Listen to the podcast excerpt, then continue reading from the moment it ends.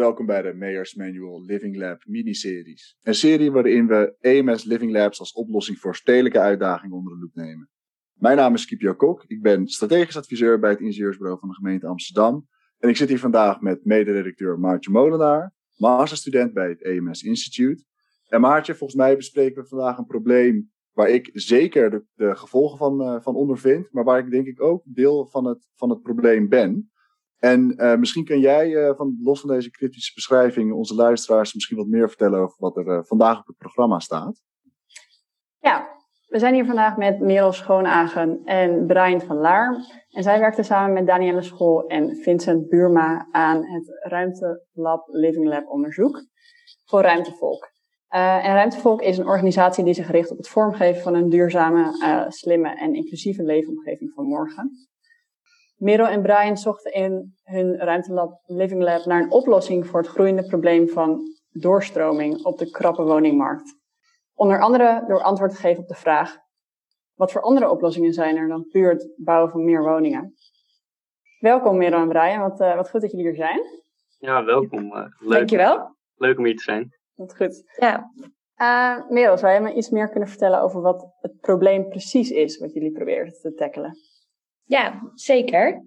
Uh, nou, zoals je net al uh, inleidde, uh, is er inderdaad uh, sprake van een geringe doorstroming op de woningmarkt. En dit houdt in dat er eigenlijk normaal gesproken een vloeiende overgang is van woningen naar nieuwe bewoners.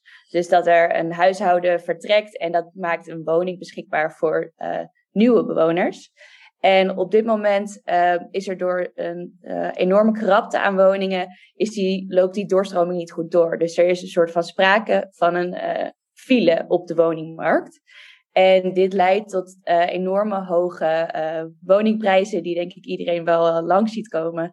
Um, maar ook tot um, het niet passend wonen van verschillende huishoudens. En um, ja, dat belemmert eigenlijk de, de inclusieve stad van de, van de toekomst, uh, zo gezegd. En uh, Scipio, je zei dat je deel bent van het probleem. Hoe zit dat? Ja, ik wou, ik wou er net wat over zeggen inderdaad. Ik, ik, ik zie mijzelf althans als deel van het probleem. Dus misschien kunnen jullie me daar wel meer over vertellen. Um, ik, ik, ik ben een starter. Um, ik woon op dit moment nog met twee huisgenoten. En op dit moment betaal ik meer huur dan als ik straks met mijn vriendin samen ga wonen, ik, dan ik zou kunnen betalen. En ik zit volgens mij ook in een huis waar misschien beter een gezin, we hebben hier drie slaapkamers, een gezin met uh, twee of, uh, of met één kind zou kunnen wonen. Uh, maar ja, tegelijkertijd heb, heb ik ook niet echt een andere, een andere keus. Um, ben, ben ik onderdeel van de, de auto's die te vroeg op de rem stoppen, waardoor er een file ontstaat, zeg maar? nou ja, ik denk dat het een, een, een beetje aan ligt. Dat wij um, op een gegeven moment hebben uitgezocht, is dat um, het, het eigenlijk gaat om passend wonen. Dus uh, als jij in een situatie zit waar, waarvan jij denkt dat het, dat het passend wonen is, um, dan ben je eigenlijk niet per se uh, ja, het probleem. Het, enige probleem is dat heel veel, uh, heel veel starters op de woningmarkt zelf het idee hebben dat ze zelf niet passend wonen en dat ze eigenlijk liever ergens anders zouden willen wonen. Um, en daar stopt die, die doorstroming een beetje en daar, daar ontstaat die file, want mensen kunnen niet in een passende woning wonen en blijven daarom zitten op de plek waar ze zitten. dus stel je voor, je woont met drie vrienden en je zou het liefst uh, ja, tot je, tot je zestigste daar willen blijven wonen, dan is dat wat dat betreft uh, ja, prima passend wonen en uh, is het niet het probleem. Um, maar stel jij wil inderdaad wat je aangeeft met je vriendin eigenlijk ergens anders gaan wonen, maar je kan niet echt iets vinden, dan hou je wat dat betreft wel een, een plek voor iemand anders op en woon je niet passend en is het wat dat betreft wel een, een probleem. Ja. Maar zoals ik al aangaf, we zijn op een gegeven moment binnen de Living Lab een beetje geswitcht van van probleemstellingen. We begonnen een beetje op een um, ja, kwantitatieve manier. Dus we wilden voor iedereen een, een, passende woning hebben. Uh, en we wilden um, ja, een beetje op die, die kwantitatieve manier kijken van oké, welke woningen zijn er? Uh, hoe kunnen we dat bewerkstelligen? Maar we kwamen er vrij snel achter dat, dat dit probleem eigenlijk heel erg gaat om een, een, kwalitatieve insteek. Dus um, wat is passend wonen? Wat is passend wonen voor verschillende bevolkingsgroepen, voor verschillende woonprofielen? En hoe kunnen we zorgen dat op een kwalitatieve manier uh, mensen naar een woning kunnen gaan die, die echt bij hun past. Um, en uh, ja, op een gegeven moment is die switch een beetje, een beetje plaatsgevonden. Het, je, je, geeft aan dat, dat het, jullie zijn meer gaan kijken naar kwalitatieve aanpak. Dat lijkt me misschien moeilijk in een wereld waar we alles uh, precies willen kwantificeren. Zeker als het op, op uh, getallen uh, als, als de woningmarkt aankomt. Hoe, hoe hebben jullie dit probleem opgelost? Wat was jullie aanpak? Ja, um, ik denk dat het inderdaad, het is redelijk vloeiend gegaan. Omdat het dus ook, dat is denk ik ook onderdeel van een, Living Lab aanpak. Wat we hebben gedaan is vanaf begin af aan eigenlijk alle actoren die wij dachten belangrijk waren, en meededen, eh, of onderdeel zijn van dit probleem, die hebben we allemaal gesproken. Uh, om ook echt goed dit probleem te achterhalen. En zo kwamen we dus op een, een wisseling van dat als we doorstroming kunnen bevorderen, dat dan niet per se de krapte wordt opgelost op de woningmarkt, maar dat we ervoor kunnen zorgen dat mensen passender gaan wonen. Um, dus dat was die wisseling. En um, doordat we dat vanaf begin af aan al met alle betrokken partijen hebben besproken, konden we dan ook met hun samen gaan vormgeven. Wat is dan passend wonen? En hoe bereik je dat door middel van doorstroming? Um, en dat waren hele leuke sessies waarin daar eigenlijk naar voren kwam dat er al heel veel goede en, uh, initiatieven zijn en ook heel veel toffe nieuwe woonconcepten. Alleen die, het bereiken van uh, de juiste bewoners en, het van, uh, en ook de beleidsinstrumenten die er zijn, die ook naar de bewoners brengen die ze nodig hebben, dat daar gewoon nog een hele grote mismatch zit. Dus um, dat is waar wij uiteindelijk mee um, vooral aan de slag zijn gegaan. Van hoe krijgen we nou de juiste instrumenten en de juiste woonconcepten op de juiste plek en bij de, bij de juiste mensen. En jullie zijn dan beleidsmakers uh, aan de hand gaan nemen, geloof ik, om, uh, om ze een, een, een routekaart uh, voor te kunnen leggen. Ja, klopt. Willen jullie daar wat meer over vertellen? Ja, zeker. Um, ik zou beginnen, kan Brian misschien toevoegen ja. straks. Um, we hebben inderdaad een soort stappenplan opgezet om beleidsmakers aan de hand te nemen om dus die mismatch te voorkomen. En dat hebben we gedaan uh, door eigenlijk vooral de bewoners centraal te stellen. Wat we um, heel erg ontdekten is dat vooral uh, in gemeentes zijn eigenlijk uh, zijn heel trots altijd wel op hun eigen gemeente en op de unieke kenmerken van hun stad en gemeente. En uh, dat wordt heel vaak benoemd, maar als we kijken naar de woningmarkt en um, dan de huishoudens en uh, hoe we dat, uh, zeg maar, het probleem van een tekort aan woningen en een geringe doorstroom moeten oplossen, gaan we eigenlijk heel generiek kijken altijd. Dan gaan we, we hebben het over inderdaad de starter, de senior. Um, en dit is gewoon niet uh, genoeg en niet specifiek genoeg als je gaat kijken per gemeente. Dus wat wij hebben gezegd is um, in de eerste drie stappen van ons stappenplan. Um, onderzoek vooral goed ook ja, de bewoners van je eigen gemeente. Want die zijn net zo uniek als de kenmerken van je, van je gemeente zelf. Um, dus uh, naast alle uh, standaard kenmerken als inkomen en leeftijd, kijk ook naar de leefstijlen. En maak daar gebaseerd, daarop gebaseerd um, woonprofielen.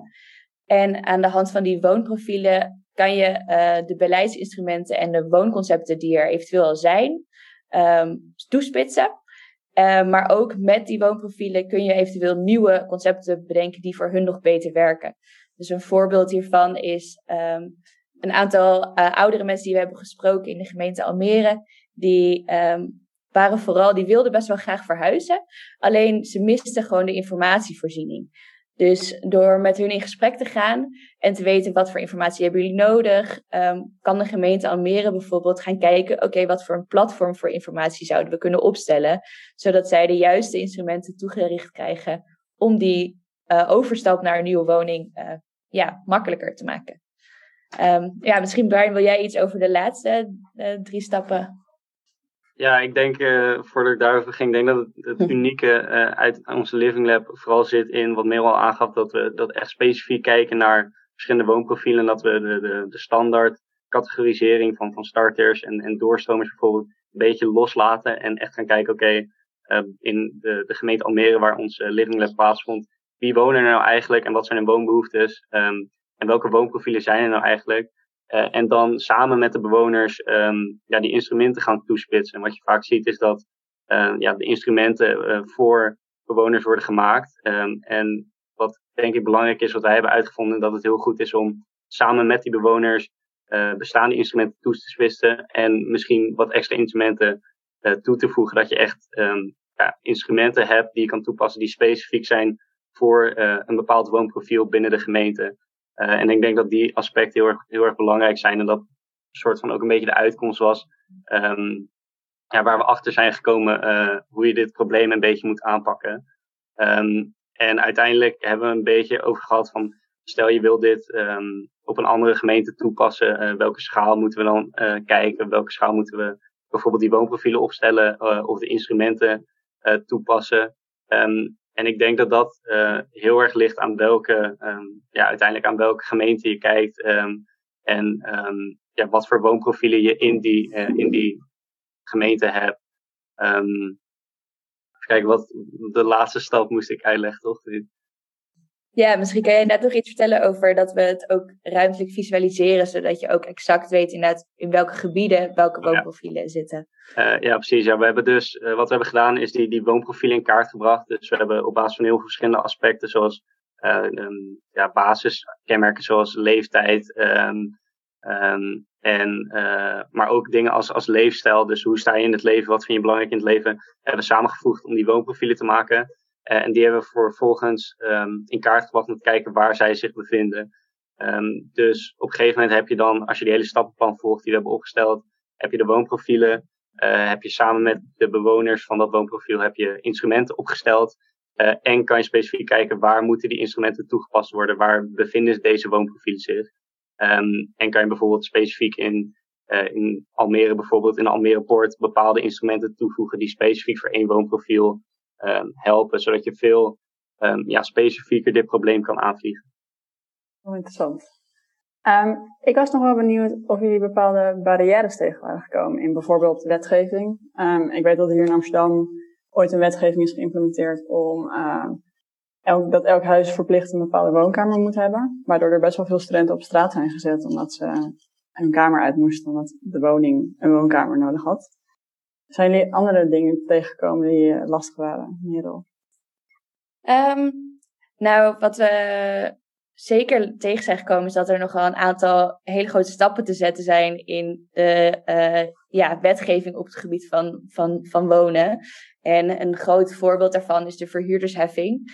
Um, dat is even in het kort uh, dat een oppervlakte um, wat verhuurd wordt voor onder de toeslagengrens, dus onder de 735 als ik het goed heb, daar moet een verhuurder uh, belasting over betalen.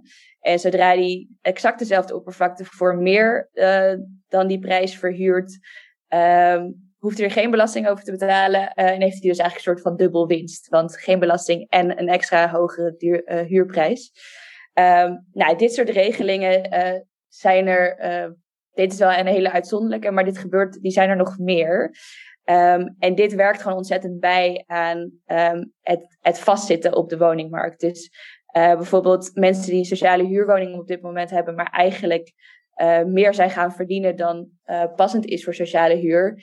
Die blijven toch vaak zitten, omdat de private huur dus altijd extreem hoog is door bijvoorbeeld zo'n verhuurdersheffing.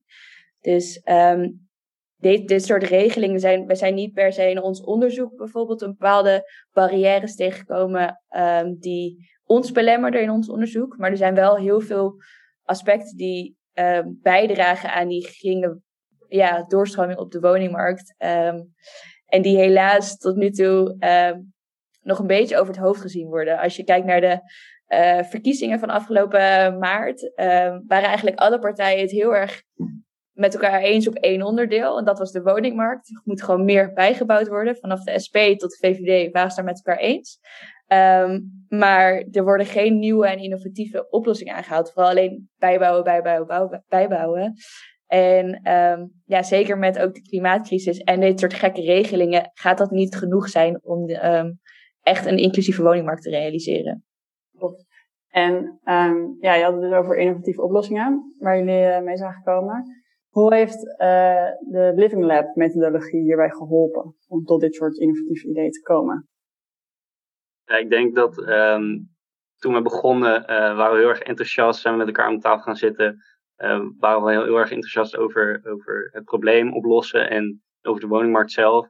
Uh, maar ik denk dat het pas nadat we um, echt in gesprek zijn gegaan met, die, uh, met alle betrokken stakeholders en, en het probleem echt van verschillende kanten hebben hebben belicht en ook al die stakeholders samen hebben gevoegd bij die co-creatiesessies, dat we toen pas echt een goed beeld krijgen van wat hebben we nou eigenlijk, ehm, ja, wat is dit probleem nou eigenlijk en, en hoe moeten we dit oplossen. Ehm, ik denk dat het vanuit de woningmarkt best wel vaak van, vanuit één bepaald perspectief wordt gekeken. Um, maar dat het ook heel goed is om die verschillende perspectieven bij elkaar te brengen. En tijdens onze co-creatie kwamen we ook achter dat, dat die, uh, heel vaak wordt die, die tegenstellingen en die tegenstellende belangen echt tegenover elkaar gezet. Maar wij kwamen ook vrij snel achter dat, um, ja, dat verschillende partijen best wel samen willen werken. En dat ze best wel, uh, dat alle partijen ook wel in, inzien dat er iets moet veranderen en dat er iets moet gebeuren. En dat ze best wel openstaan om um, ja, echt hier iets aan te doen. Um, en ik denk dat dat wel heel erg geholpen heeft om dat in te zien door iedereen bij elkaar te zetten in een, in een Living Lab methode. Ja, daar ben ik het zeker mee eens. ik hoor Klein, kleine echo op de lijn. weet, dat ligt aan een van ons, denk ik. Oh, oh, kijk, hij is al weg. Ik, ik merk dat jullie ontzettend bevlogen over, over het onderwerp spreken. En daardoor vraag ik me nog wel af, wat, wat, wat motiveerde jullie voor, uh, uh, ja, voor dit project, voor deze Living Lab keuze? Maar dus eigenlijk voornamelijk om dit probleem op te lossen. Ja, ik denk we, we zijn begonnen met allemaal onze eigen uh, verhuiscarrière uh, op te schrijven en te tekenen. Um, en dat was heel erg leuk om te zien, want het was, uh, soms zit je, zit je met je allen hier, um, dezelfde studie, um, allemaal Nederlandse achtergrond. Dat je denkt, nou, we zullen allemaal wel een beetje dezelfde levensloop hebben gehad qua wooncarrière. En dat bleek totaal niet zo te zijn. De ene had, heeft bijvoorbeeld tot nu toe altijd thuis gewoond. En in haar omgeving was vooral de, uh, ja, eigenlijk blijf je bij je ouders wonen totdat je genoeg gespaard hebt en dan koop je een huis. En bijvoorbeeld in, in mijn geval is het juist, uh, was het heel normaal om van huis naar huis te gaan, omdat je dan weer onderhuur had, anti-kraak en zo, um, zo weer door. Dus het was heel leuk om te zien dat we allemaal, terwijl we allemaal nog redelijk jong zijn, uh, al zo'n verschillende wooncarrières hebben gehad. Uh, maar waar één ding wel centraal stond, en dat was hoe moeilijk het is om iets te vinden. Um, dus het was voor ons persoonlijk al een heel belangrijk onderdeel eigenlijk. Je kan echt. Uh, ja, en, in, en dat was ook wat we merkten in de gesprekken met iedereen eigenlijk. Iedereen heeft een woning. Dus iedereen heeft ook een mening over de woningmarkt. En is er ook geïnteresseerd in, omdat het gewoon altijd heel persoonlijk um, tot een heel persoonlijk uh, ja, gevoel kan worden teruggebracht. Dus ik denk dat dat wel een, ja, een heel belangrijk startpunt voor onze motivatie was voor dit onderzoek. En voor jou, Brian?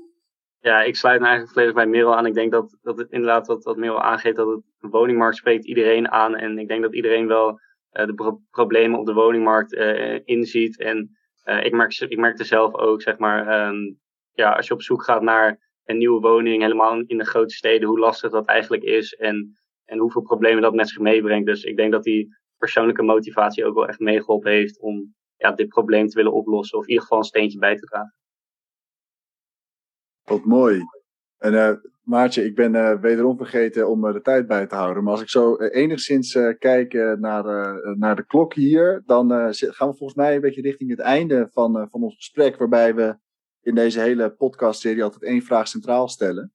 En dat zou ik bij jou willen beginnen, Brian. Wat, wat, wat moet er volgens jou op, in het handboek van elke burgemeester terechtkomen? Ik denk het belangrijkste wat wij ook uit onze Living Lab um, gehaald hebben en wat ik ook zou willen meegeven is dat, dat elke gemeente heeft zijn eigen unieke bewoners en dat um, helemaal als het komt op neerkomt op de woningmarkt dat er, dat er geen één oplossing voor is die voor alle bewoners uh, ervoor gaat zorgen dat, dat iedereen een passende woning heeft. Er is geen uh, één oplossing. Dus ik zou willen zeggen, ik uh, breng echt goed je bewoners in kaart. Kijk wat hun behoeften zijn, wat ze willen, hoe ze in het leven staan. Um, en ga samen met die bewoners um, kijken naar instrumenten. Dus in plaats van voor de bewoners iets doen, doe het samen met de bewoners. en ik denk dat dat het, dat dat het belangrijkste is om, om mee te geven aan, aan mayors, aan burgemeesters. Mooi punt, dank je. En, en voor jou, Merel?